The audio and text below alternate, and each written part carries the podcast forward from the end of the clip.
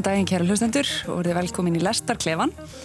Í dag, 23. apríl, það voru í lofti bæði utan og innan eftirlitisins. Ég er reynilega að skinja það á gestum mínum hér í dag að það er eitthvað bjart og gott framöndan og ekki síst næstu klukkustundina, það sem við ætlum.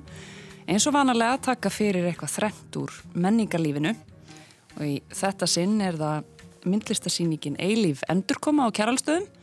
Kvikmyndin er ást og svo nýja stuttskífa Auðar og Flóna sem ber nafnið Venus.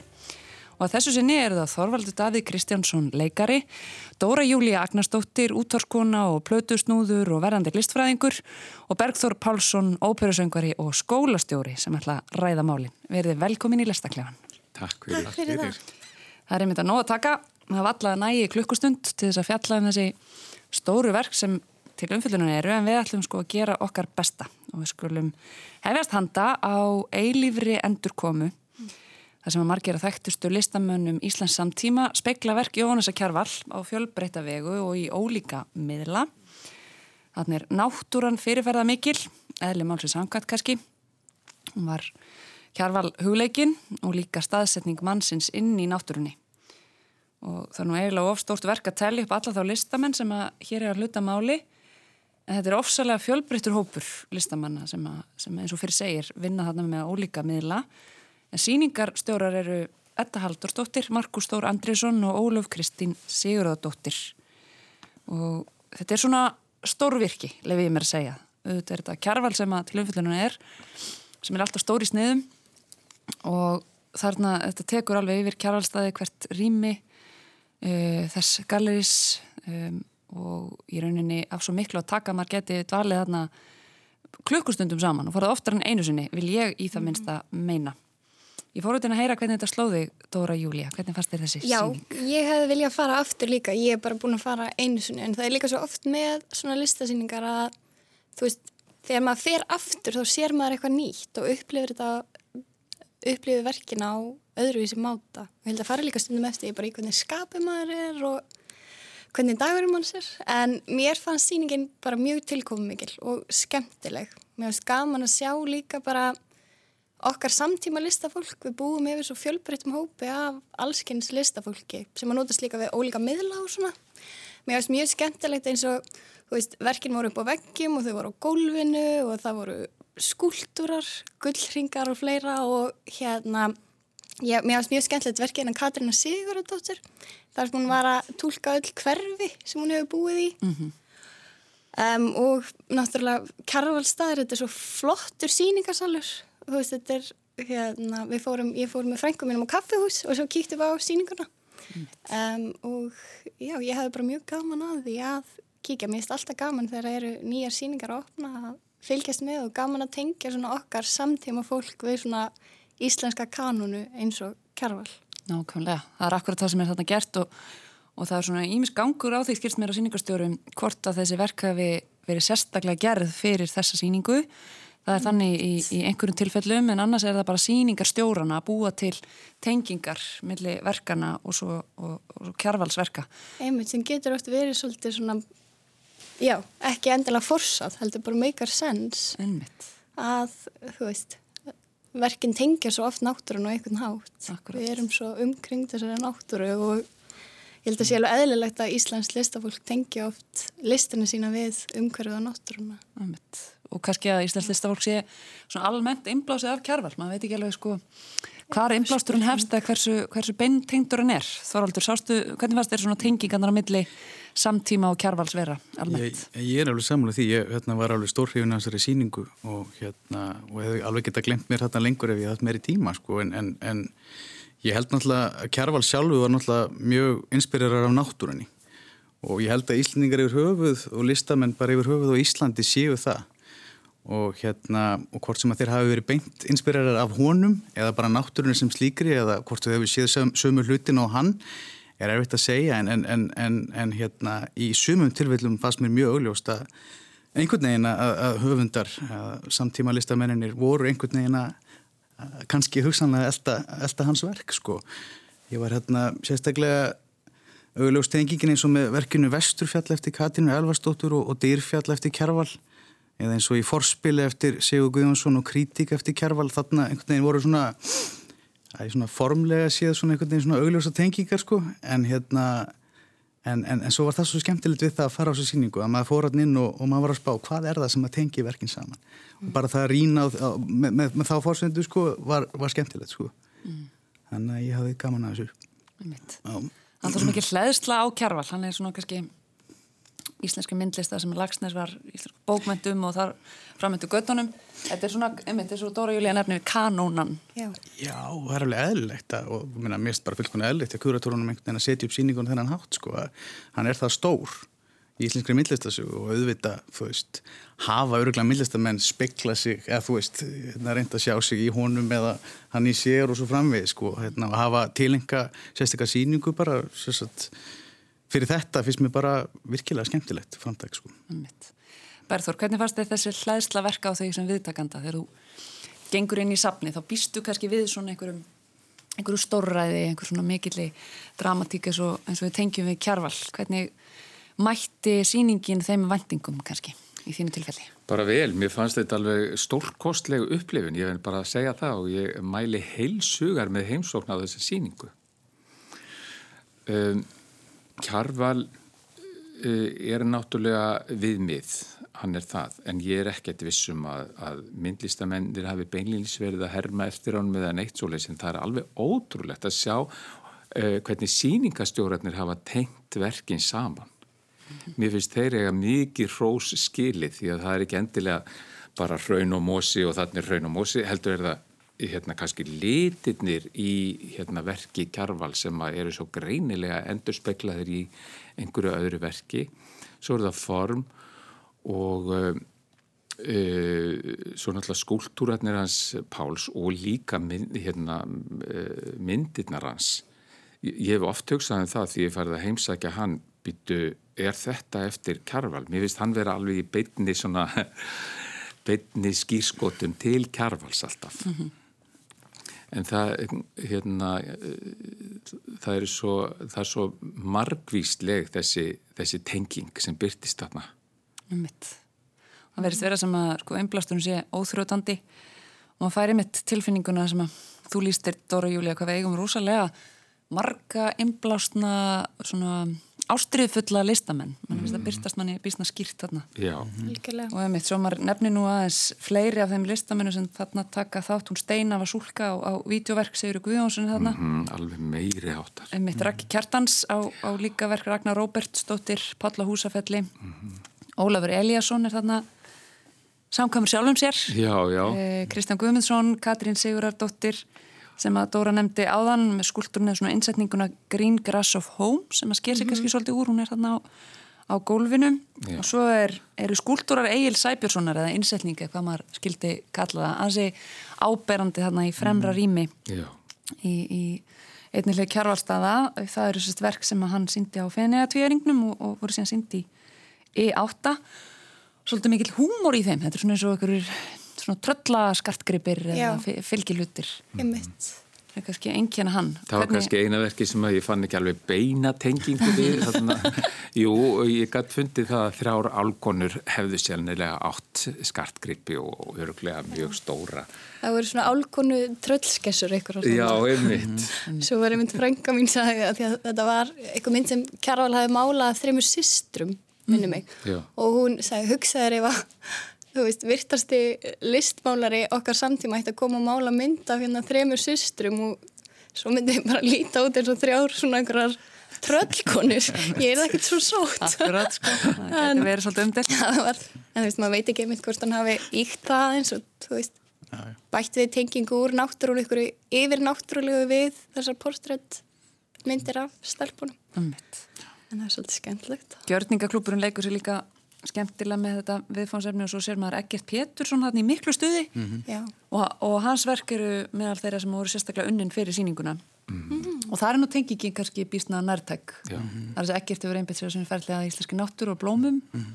sem var miklu leiti til svona líka viðfánsefni kjærvals allar hans tíð Einmitt, heldur betur og hann er náttúrulega Egert er náttúrulega alveg algjörlega framúskarandi millistamæður og og, og hans myndir náttúrulega uh, alveg algjört augna endi og maður, ég held ég hafi staðið hvað lengst þar við, við þessi verk sem þú nefnir sko. Hérna, það er verkin hans þegar ég var hérna á síningunni sko. Það er einhvers konar litirnir um, þessi, þessi sko hvernig hann næri einhvern veginn að fanga uh, uh, náttúruna á svona díteleraðan litríkan og, og hérna og einstakann hátt sko, alveg magna. Ég mæli bara með því að fara þánga þess að horfa þessi verk sko. Þessi, Já, það er svo mörg smáatriði, maður getur alveg Já. staðið við myndina alveg að henni, svo getur maður farið frá og svo þarf maður aftur að koma að þetta er svo leiðis. Alltaf séð eitthvað nýtt líka. Alltaf Já, alltaf séð eitthvað nýtt. Það er líka bara að litagleiði gerur svo mikið fyrir mann, mm -hmm. þú veist. Það geta lappað inn á sapn og aðeins verið meðal, þú veist, það er kannski grár dagur úti og þú getur farið inn og verið umvafinn björstum og skemmtilegum litum gerir mikið fyrir sálarlífið. það gerir, já, já. bara svona byrstir yfir manni. Maður veldur í fyrir sig sko því að það er svona raun og eldgós og vikur koma aðeins þannig við sögum mm -hmm. maður veldur fyrir sig sko bæði jú hvort að náttúra sé íslensku myndlistamunum alveg óþrjótandi uppspretta og líka hvort að hún sé okkur sem viðdækendum svona standa okkur aðeins nærri nú að undaförnu þegar við fáum svona beina tengingu við kraftin sem býr í henni. Mm -hmm. í eldgósinu eða verka þetta þannig á því þoröldu Davíð við séum einhvern veginn tengdari náttúruna oft áður ég, Já, ég held við séum það bara yfir höfuð sem Íslendingar sko, bara sagan segir okkur það sko, þú veist, einhvern veginn að Íslendingar er varandi trúum og við erum ekki sérstaklega trúið þjóð en við trúum kannski frekar á alfa og huldu fólk heldur, heldur en jafnvel Guð í mörgu tilfellum sko mm. um, en hérna já, ég held ég var að mitt átti gott samtali við vinnimunum daginn sem er, sem er hérna doktor í tónsmiðum og vorum að ræða um þetta hvernig þú veist um hverju getur haft áhrif á listsköpununa og hann vildi meina sko eins og Íslandi sko að, að, hérna, að hérna er rosalega lítið hljóð. Stríin er rosalega hreitt hérna yfir höfuð. Þú ert með heiminin, þú ert með náttúruna stríin er bara, er bara svolítið hreitt þar að leiðandi erum við góður að búa til melodíur, góður að segja sögur einhvern veginn og búa til að ímynda okkur eitthvað síðan mm. eh, en eh, kannski ef við færum til Indlands eða á stræti New York sko, ef maður fer þanga þá kannski upplifum að svona biribidabba, dúbúb, alls konar svona umhverfislóð sem hafa svona áhrif á hvernig tónlistir skapast eins og bara jazz eða veist, fusion, veist, það er New York skilur við hérna. þannig, þannig gerða af tónlist og í Indlandi hvernig tónlistin hefur áhrif þar sko, eða umhverfisljóðin hafa áhrif á tónlistasköpununa ég held já að hérna auðvitað hefur náttúrann áhrif og ma maður sér það og hérna hvort sem maður sé bara út af því að hún er, er þarna svo stór og, og yfirgrifsmikil með, með hefininn fyrir ofan sig eh, eh, og, og líka bara sem inspirerandi tæki varandi líti og form og annað slíkt sko að hérna, já, ég held að sé bara augljóslega hefur hann áhrif á allan nátt sko og alla, alla lískænar Byrtist okkur skýrt þarna. Mm -hmm. Til dæmis verði ég að nefna að ég var alveg sko dálitt fyrir framann júninótt á þingvöllum. Mm -hmm. eftir kjærvaldarna það er alveg magna hvað þessi verk öllum þessum árum eftir að þau voru gerð tala til maður inn í samtíman og geta verka stert á mann Já og eru miklu sterkari þegar maður kemur að þeim heldur, heldur þegar maður sér að þeim mynd. En mitt Það er líka þessi ára Það er svo lett að fara á þessar síningar Akkurat, Það er þetta ósynilega sem hefur svo mikil áhrif. Mm -hmm. og reyfa sig um rýmið. Mér finnst það líka bísna vel gert hjá síningarstjórum hvernig hvernig verkum er skipt á milli rýma. Algjörlega. Og hérna blanda saman ólíkum miðlum. Já, ég er alveg vissum að við erum eftir að, að sjá mikið í svona stórbrotið eftir þetta eldgoss í myndverkum. En það er alveg satt, þú veist mm. náttúrann hefur svo mikil áhrif á okkur og maður sér það bara til og með í verkum Jóns Leifs.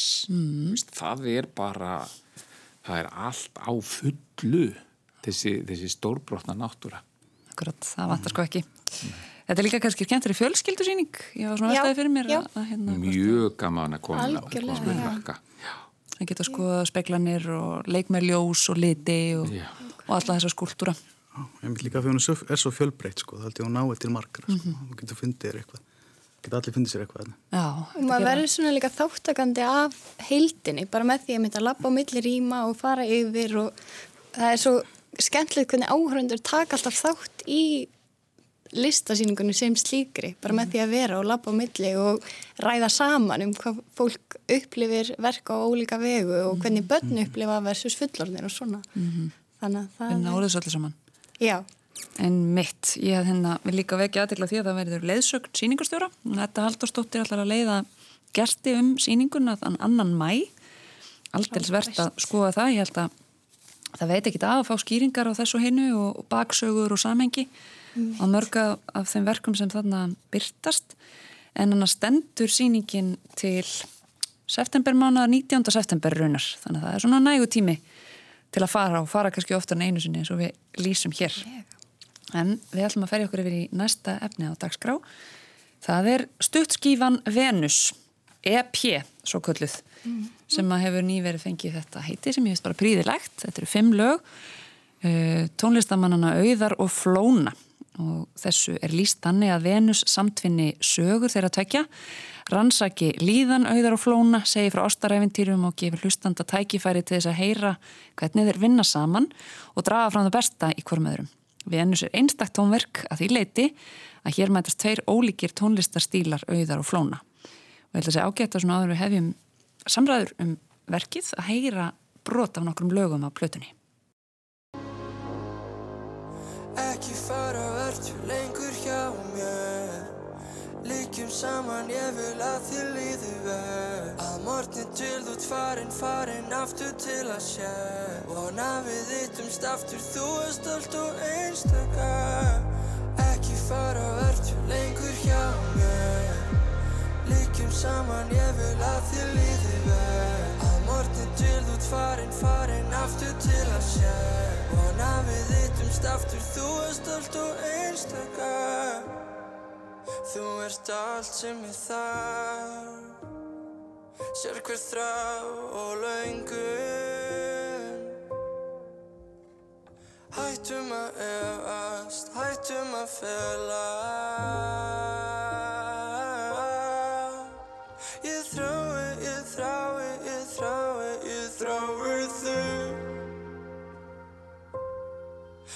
Fóið, sá ekki hvað þú varst mikil sverði Átjón þúsund hluti sem ég aðátt að gera betur. Ég veit ekki ætti að endur spila mistökinn frá í vetur. Ég vildi ekki særa þau, ég vildi ekki kæfa þau Ég ég hugsa svo mikið, ég vona að hann skilji þau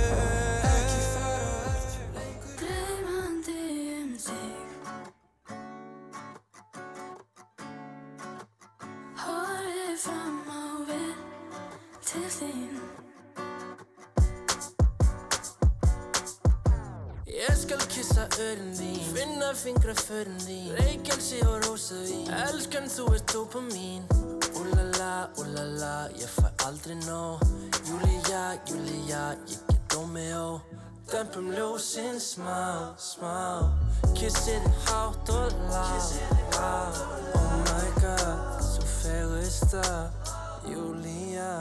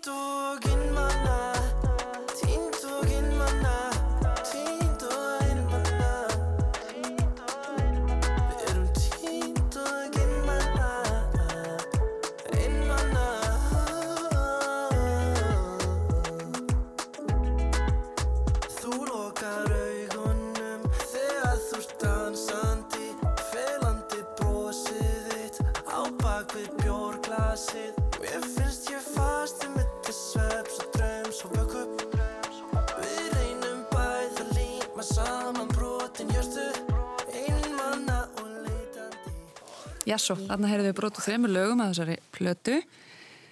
Uh, Lögin á plötunni heita annars Andartak, Ég skal kissa örin þín, Tínd og einmanna, Ástin handan við og að morgni til. Og þetta byrjaði allt saman á læginu Tínd og einmanna sem að hlustendur kannast eflaust kannski best við. Það er búið verið í, í spilun í dágóðan tíma. Það var til dæmis tilnæmt á Íslensku tónlistavelununum í flokknum rapp og hiphoplag ársins. Og þetta eru auðvitað Auðun Lútersson og Fridrik Jóhann Robertsson sem eiga heiður af þessum lögum öllum saman, bæði textasmíði og, og lagasmíðum. Við svo Viktor Örn Áskýrsson hljómagang í að morni til og svo heyrðu þarna líka Rött Guggusar sem er aldeilis spennandi nýstyrni í íslensku tónlistarlífi. Og það er Magnús Jóhann Ragnarsson sem að, pródúsera þetta allt saman. Ég er svo forutinn að heyra hvernig þessi plata verkaði ykkur. Byrjum kannski á óperusöngarun, Bergþór. Hvernig, hvernig fannst þið Venus?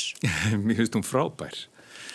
Uh, ég var eiginlega aldrei hiss á því sko þegar ég fór að hlusta á þetta. Ég, bjóst við að ég myndi fara að reyða mig og dansa eða eitthvað svo leiðis. En svo einhvern veginn uppgötegi það að það var svo frábært að vakna við þetta.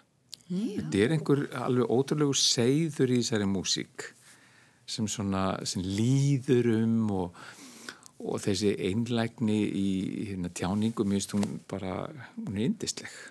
Emitt. Þeir eru á romantískum nótum þannig. Það er ekki hægt að Já, segja annað. þau öll. Já, þau öll. Það er mikið þarna sungið um ástina og söknuð og, og kannski missi í einhverjum skilningi. Mikið berskjöldun. Já, einmitt. Þetta er svona viðkvæmar, heðalegar tilfinningar. Kannski reyndar í takt við það sem að þessir, þessir tveir hafa gefið út áður. Hvernig fannst þér, Dóra Júlía? Jú, mér finnst þetta frábær plata og þeir eru náttúrulega bara ótrúlega hæfileikaríkir, báðu tveir og æðislegt líka að heyra Guðgusar aðeins koma hana inn í Ég skal kissa örn þín. um, Týnd á einmann að sker sér svona aðeins úr, þú veist, uh, það er aðeins meira svona, uh, já, aðeins meiri, öðruvísi taktur, svona frekar fá fólk aðeins til að dilla sér kannski Einmitt. við það. Ég á skemmtla minningu af því lagi frá því síðast sumar þar sem að vinkona mín var í smá ástarsorg upp í bústað að taka gínskot um nótt og blasta þessu aftur og aftur. Þannig ég held að... Veist-. Já, ég held að veist, það er náttúrulega svo ótrúlega magna hvað tónlist getur reynst sko hlustendum bara á öllum aldri úr ýmsum hópum sem eitthvað haldreipi, þú veist, það er hægt að fólk getur tengt við, þú, bæði, þú veist, textan og taktin og tilfinninguna og þeir náttúrulega bara, eru mjög berskjaldar og einlægir. Þannig að, uh, já, bara mjög einlæg og áhugaverð plata, finnst mér. Já, ég get akkurat ímyndað með það að þetta sé svona kannski svolítið gott verkfæri í ástarsorg. Já, Eða bara hvers konar tilfinningar róti. Þorður Nákvæmlega. þetta, við erum ekki svona kannski svolítið skýrt dæmi um kynsluð sem að uh, svona yngirist kannski öðru fremur á heiðalegri tjáningu og sinni líðan og, og tilfinningu. Heldur betur. Ég er opaslega þakkláttu fyrir þessa kynslu tónlistamanna sem að er búin að koma fram á sjónasíðu svona undarfærin ár. Sko. Þetta, er, þetta, er, þetta er fólk sem að hefur eitthvað að segja og er að opna sig bæði um vandamál eins og kvíða, neyslu, um, hérna þunglindi, ástina, missa og svo framvegis og er bara opaslega heiðalegt með það. Og það er kannski eitthvað sem að hérna áður fyrir kannski var meira tabu, sérstaklega eins og verið stráka. Bara þú veist að stíga fram og einhvern veginn og, og tala opinskátt um tilfinningar. En hún í dag bara eins og þessi kynslu hún bara stígur fram og segir, þú veist, mér líður bara svona ég er að díla við þetta og, og mér líður ekki vel en hérna ég er samt að reyna. Og hérna uh, og svo er þetta ekki, og svo er þessi kynslu ekki bara sko opin og einlega, heldur hún líka afskaplega hæfileikarík. Vegna þess að þú horfir bara á laga smíðatan sem slíkar yfir höfuð og þennan hljóð þeim sem er búa í kringum til dæmis eins og þessa tónlist þetta er bara algjör snild. Mm. veist, eins og um aldamótin þegar maður kannski þegar ég var svona alvegstuð þá kannski voru þetta bara svona gítar. Fólk bara með kassagítarinn að reyna að búa til einhverja smellin, svona hitt hittara sko. En núna eru tónlistamennir í dag sko fjöllistamenn þú veist, þeir eru að hugsa um sín konsept svona á heilstæðan hátt, ekki bara út frá tónlistinni, heldur hljóðheiminn, þeir gera þetta oft sjálfi, bara út af því að tækninni þannig í dag og getur nota alls konar tölfur og tæki bara til þess að pródúsera uh, þitt verk frá A til Ö, mm. getur meira sér að hanna, þú veist, myndlistina í kringum það sjálfur búið til myndböndi fyrir lítinn pening og, og hérna, og þetta er það sem þeir eru að gera. Eins og bæði auður og flóni, þú veist, þeir eru góðu tónlistamenn, góðu pródúsentar svo eru þið líka algjör sviðstýr þú veist, ef þú fer á tónleika með þeim, veist þetta, þetta er bara eitt stór pakki sem er bjóð upp á. Og hérna, svo það er ekki síðar upplifun sko, en, en ef hann er þess að tilteknuplötu venu, sko, þá þá er eins og ég segi, sko, hún er afskaplega einlæg og, og þeir mér finnst eins og þeir sé ekki að reyna að búa til smetli tínd og einmanna er svona smellur kannski, þú veist, á Já. þessari smáskýðaða plötu. Um, hinn lögin eru bara einhvern veginn svona, þú veist opnun, opnanir -hmm. og svona einhvers konar tilraunir finnst manni þú veist, á milli þeirra begge, einhvers konar díalógur, ég veit ekki hvernig ég get orðað öðruvísi en hérna og, og, og það er óbúrslega gaman að hlusta hlusta á þetta Einmitt. þannig að ég mæli alveg fyrir mitt leiti alveg heilsugar með, með því að fyrir alla að hlusta á þetta. Fyrir þetta er eins og bara að tala um sko þetta er ekta svona plata sem er gott að vakna við sko. Já, ég ætla að prófa það yfir morgunbóllanum á morgun. Já, prófa það í fyrramfáli. Já, slæði fallegan tón fyrir daginn. Mér finnst þetta svolítið eins og, það líður svolítið áfram eins og í draumi eða svona maður fyrir ákveðina eh, eitthvað tugar ástand sem er svona pinglítið eins og víma eða, eða svona þægileg víma. Já. og maður kannast svo vel við þessar tilfinningar sem koma þarna í gegn en maður fer ekkit endilega í melankóli eða þunglindi þó að, þó að mm, textarnir kannski séu um eitthvað slíkt. Maður, er einhvern veginn, maður bara kannast svo rosalega vel við þetta. Já, akkurat. Mér er nú samt ekki tekist að hlusta á læða morgni til en þá að þess að fá tár í augun. Nei. Heldur sem hún að endurtaka það ansi oft, minnst, alveg dásanlegt eins og platan svo sem í held og, og svolítið eins og þú nefnir Þorvaldur Davíð, hann er fjölbreyttur hljóðheimur og hann er auðvitað líka nútímalegur í þeim skilningi að þannig notast við svona nýjastu tækni bara í, í samsetningu tónlistar. En enga síður þá eru þetta sko þraut lærðir tónlistamenn en auðun er bara leifi ég mér að fullir það einn færasti gítarleikari þjóðarinnar. Og hérna svo Magnús Jóhann Ragnarsson þarna í, í framleyslunni og hann er eins og alþjóð veiteldi líka bara ofsalega fær píanisti og svo erum við með andlega jöfurinn flóna. Þannig að maður hafði væntingar þegar maður laða stað í hlustunina. En eins og þú segir þá er ekki verið að þvinga fram einhverja hittara, það er alls ekki kannski ásetningurinn með þessu. Svona verið að segja sögu og það er svo gaman líka þegar verk flæða vel, þú veist, í gegnum, þetta er svona heildrænt. Já, þetta er eins og eitt verk. Já, akkurat það er, ekki bara slagar eftir slagar eftir slagar á sem maður tengjast ekki, þú veist. Þannig að það er útrúlega gaman þegar það er verið að segja okkur sögu, mm -hmm. Sammála því líka og þeir, þeir, þeir verðast einhvern veginn sko, mér finnst líka tónlistin og textandi passa rosa vel saman sko, bara, bara þessi, þessi, þessi, þessi endurtetning á tínd og einmanna og hvernig, hvernig þetta er tínd og einmanna þú veist bara hérna, fara aftur og aftur og aftur einhvern veginn, Já. Ma maður fer inn í tilfinninguna því, Já, svona, það- textin passar alveg og, lægi passa saman einmitt það er er. Já. Eina sem ég hugsaði sko þegar það lag kom út var að ég myndi ekki vilja einhverju tveir strákar myndu skilgreina mig sem tínd og einmanna. Mm. Það var eina sem ég hugsaði. Akkurat. Það er eða sagt tíndir og einmanna og er að syngja um sig sko. eða þetta vísa til fleirtölunar að við séum öll Já. Við erum öll tínd og einmanna, gæti, en hún er tínd og einmanna, já, segja þeir. já, já, já. En þú veist, það er bara svona, maður hugsa, oh, alls konar smáatriði. Já, já, einmitt sko. En hérna, En síðan er náttúrulega sko kannski svona önnur í því að hlusta tónlist þessi misserinn í það minnst í byrjun kófsins, þá vissi maður að flest öll svo tónlist sem að koma út maður fengi ekki að sjá hana flutta á tónleikum í bráð. Og, og allt sem heitir útgáfu tónleikar er náttúrulega eitthvað sem bara hefur eiginlega ekki orðið núna í rúnt ár. En það er kannski mögulega aldrei að vita nefn að fá að sjá þetta flutt á lifandi. Og þú vilt meina að það er þá almennlegt upplifelsi, Þoraldur Davíð þú getur alveg bókað það með við þessa tónlistamenn sko, að, hérna, það verður gott sjó Einmitt.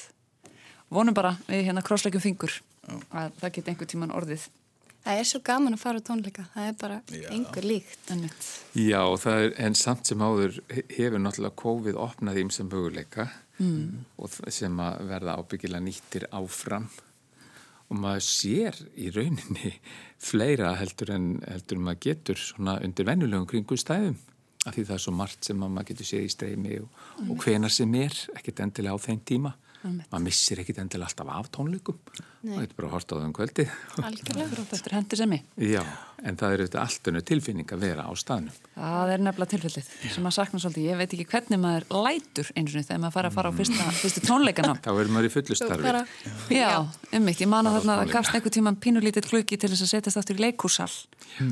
Og það bara hljópið með einhver dólgur, sko. Já. Mér finnst það bara svo stórkurslegt að vera að mæta. Ég hef öskrað og rópaði á hrifningu. Engin veit hvað átt hefur fyrir mist hefur, segja margir. Það er kannski tilfellið með tónleika og samkomur. En það er alveg magna að íslensku, sko sköpunagleði íslensk tónlistafólks verðist, verðist bara engin takmörk sett og við hefum séð það síðast ár, sko.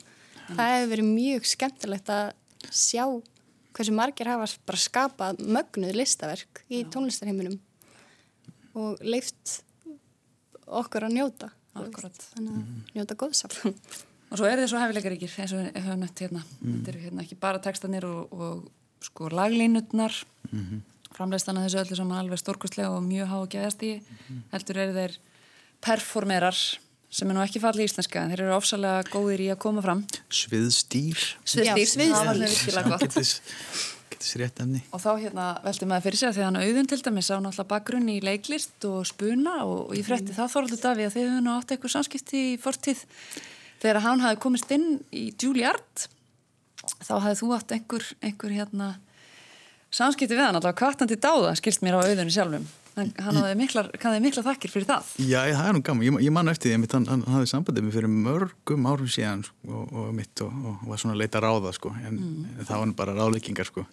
en hann var, hann var voða, virt, já, virtist voða ljúfur strákur sko. en hann Já, hann, er, hann, hann, hann, já, hann var í leiklist og, og, hérna, og maður sér það á sviðinu hjá honum, sko, hann hefur, hefur, hefur, hefur skilning á, á því hvað þarf til þess að, til þess að kannski að kveikja í salnum eða, eða, hérna, eða búa til sjó, veist, mm. einhverju sviðsetningar Algjörlega. og líka bara í, í, í textum öðru slíku, sko, textu og lag, hann hefur, hefur hérna, skinnbráð því líka, sko. Já, leiklisna gagnast honum í sviðsframkominni og Já. danshafileikarnir ekki síður Nákvæmlega, mikið taktur í honum. Ég sá hann sko spila fyrir utan Susi Social síðasta sumar. Og þá var hann bara að klifra upp á hús og settist í glugga hjá ykkurum og fekk pítsusneit bara hjá manninu sem bjó í íbúðinni. Yes. Þannig að hann hefur, þú veist, og líka bara alltaf góður í að meta umhverfið og hvað er hægt að gera. mm. spila með Nákvæmlega, og það er þessi heildræna upplifin, sko. Já. Þú veist, reyfingin og samskipti við áhörvendur og tjáning og Fötin og þetta er allt svona, þetta er eitt svona heilstætt konsept hjá, nákvæmlega. hjá honum. svo sannlega, það vantar ekki. Og ekki nú flóni síðri. Nei. Nei. Venus var greinlega góða dóma hjá okkur sem hér setjum en úr einu verki um ást yfir í annað sem raunar ber það hugtak í titli sínum. Það er kvikmyndin Er ást sem fellar um Helenu Jónsdóttur listakonu, kvikmyndagerðamann og dansara á danshöfund og samband hennar og líka list Þorvaldar Þorstenssonar heitins Þessari mynd leikstýrir Kristín Andrea Þorðardóttir og handriðsöfundur hennar er, er hún einnig og þetta er hvað 50 mínútna kannski mynd í stittri kanti heimildamind um samband Helenu og Þorvaldar og Helenu sjálfa og, og þeirra sögu saman. Við skulum heyra smá brot úr, úr kynningastiklu myndarinnar. Við vorum stundum eins og úlingar hérna að við erum að spjalla á tvisa, þrísra dag þó svo við verðum í sömu borginni, skiljið hér. Þorvaldur byrjaði mjög fljótt með þessa setningu, hérna, er ást. Og þá sagði ég alltaf. Mitt, þannig að við brot úr þessari fallegu mynd sem að sýndir í Bíóparadís þessa dagana og, og hún hlaut einarinn áhöröndaverljun Skjaldborgarháttíðarinnar í fyrra og nú leikum mér aldrei forutni á að vita hvernig þessi mynd verkaði ykkur. Dóra Júlia, hvernig, hvernig fannst þér er ást? Mm, mér fannst hún óbúslega einlæg og falleg og ég greit óbúslega mikið og ég held að það sé bara mjög erfitt að gráta ekki yfir henni um, og mér fannst já, einlæg er bara fyrsta orðið sem að kemur upp í hugan bara svona já ekkert vera að skafa af neinu, bara að segja og þú veist þessi ótrúlega undarlega tilfinning sem missir er og þetta ferli sem hún fór í gegnum. Um, og mér fannst hérna svo endar hún með þessu það sem hún er að vitna í einhvern og er að segja að hérna þú verður aldrei söm eftir missi en þú ættir heldur ekki að vilja vera og mér finnst það mjög upplugt að enda myndina á þennan hátt og einhvern veginn að hún hafi aftur byrjað að skapa og fundið einhvern nýjan kraft fannst mér líka mjög fallegt. En já, mjög átakanleg og falleg mynd. Akkurat, hún er kannski sérstaklega þýlitunni til að andlátt Þorsteins er kynnt snemma. Já. Það er ekki svo, og myndin einhvern veginn svona öll fari í aðdraðanda þess, heldur Nei. fjallar hún að miklu leiti til um það sem síðan gerist Einmitt, og úrvinnslu helinu og þessu öllu saman. Og ég get ímyndað mér að þessi mynd sé kannski svona svolítið verðut verkfærið að sé jafnvel bara heilandi fyrir þá sem hafa gengið í gegnum missi Mhm. eða sorg. Þorvaldur, hva, hvað fannst þér? Já, ég verð verð að taka undir hérna það sem mústu að segja með, með einlægur, einlæg mynd menn, þetta, þetta, það er það fyrsta orðið sem að kemur upp í huga minn bara svakalega einlægni og hérna og, og, frásögnu öllu heldur svona sorgafelli helunu eiginkonu Þorvalds Þorstinssonar sko breytir svona úr, úr sorg í svona, fallega ástarsögu í gegnum myndina sem að, sem að mjög, veist, mjög, mjög hérna, áhugavert að fylgjast mér og hérna og, og hún næri að fanga mann því leikstjórun er ekki að forsera frásögnuna fram á sjónasvið heldur þú veist fylgir hún tilfinningum og næmni listakonunar helina eftir. Og hún leifur svona viðfangsefninu að njóta sín sko og, og, og það var ég rosalega þakkláttu fyrir í, í, gegnum, í gegnum ferlið uh, og ég drókst inn í það og, og hérna, og ég, og ég drókst ekki bara inn í söguna sem slíka heldur inn í fólkið uh, bæði hérna hana og líka Þorvald. En ég, ég ætla að hefði hérna uh, það er oft hérna hefur Þorvaldur einhvern veginn skotið upp kollinum svona Úst, ég, ég kynntist honum aldrei. Og, og hérna Samt sá allir blíðfinn og skilabóðskjóðuna Já og allt það sko og eftir að horta á þetta þá fekk ég svona einhvern veginn æmi langaði svo að hafa kynst honum. Og hérna og, og, og hún skildi það eftir, eftir, eftir hjá mér. En hérna var hann til stílinn sko hérna að vera að minnast á myndatökun og stílinn sem slíkan mm. veist, það var allt saman mjög fagmælega unnið og allt í takt við þengarsefnið og og, og, og er, er mínum að sko, svo frásagnarfærðin og þessi samljómu sko, í allri fagufærði sko, fagufræði, sko, góð mælikvarði á leikstjóran mm. þú veist, hversu, hversu fín tök hún hefur haft á þessu öllu saman mm. þannig að hérna, hún á, á hróskili fyrir, fyrir það. Þetta er náttúrulega harmræn efnistök einhverju leiti, svona upplegið en samt sem aður þá, þá tekið undir þessi sjónum með að það er hverki sem að það þvinga fram.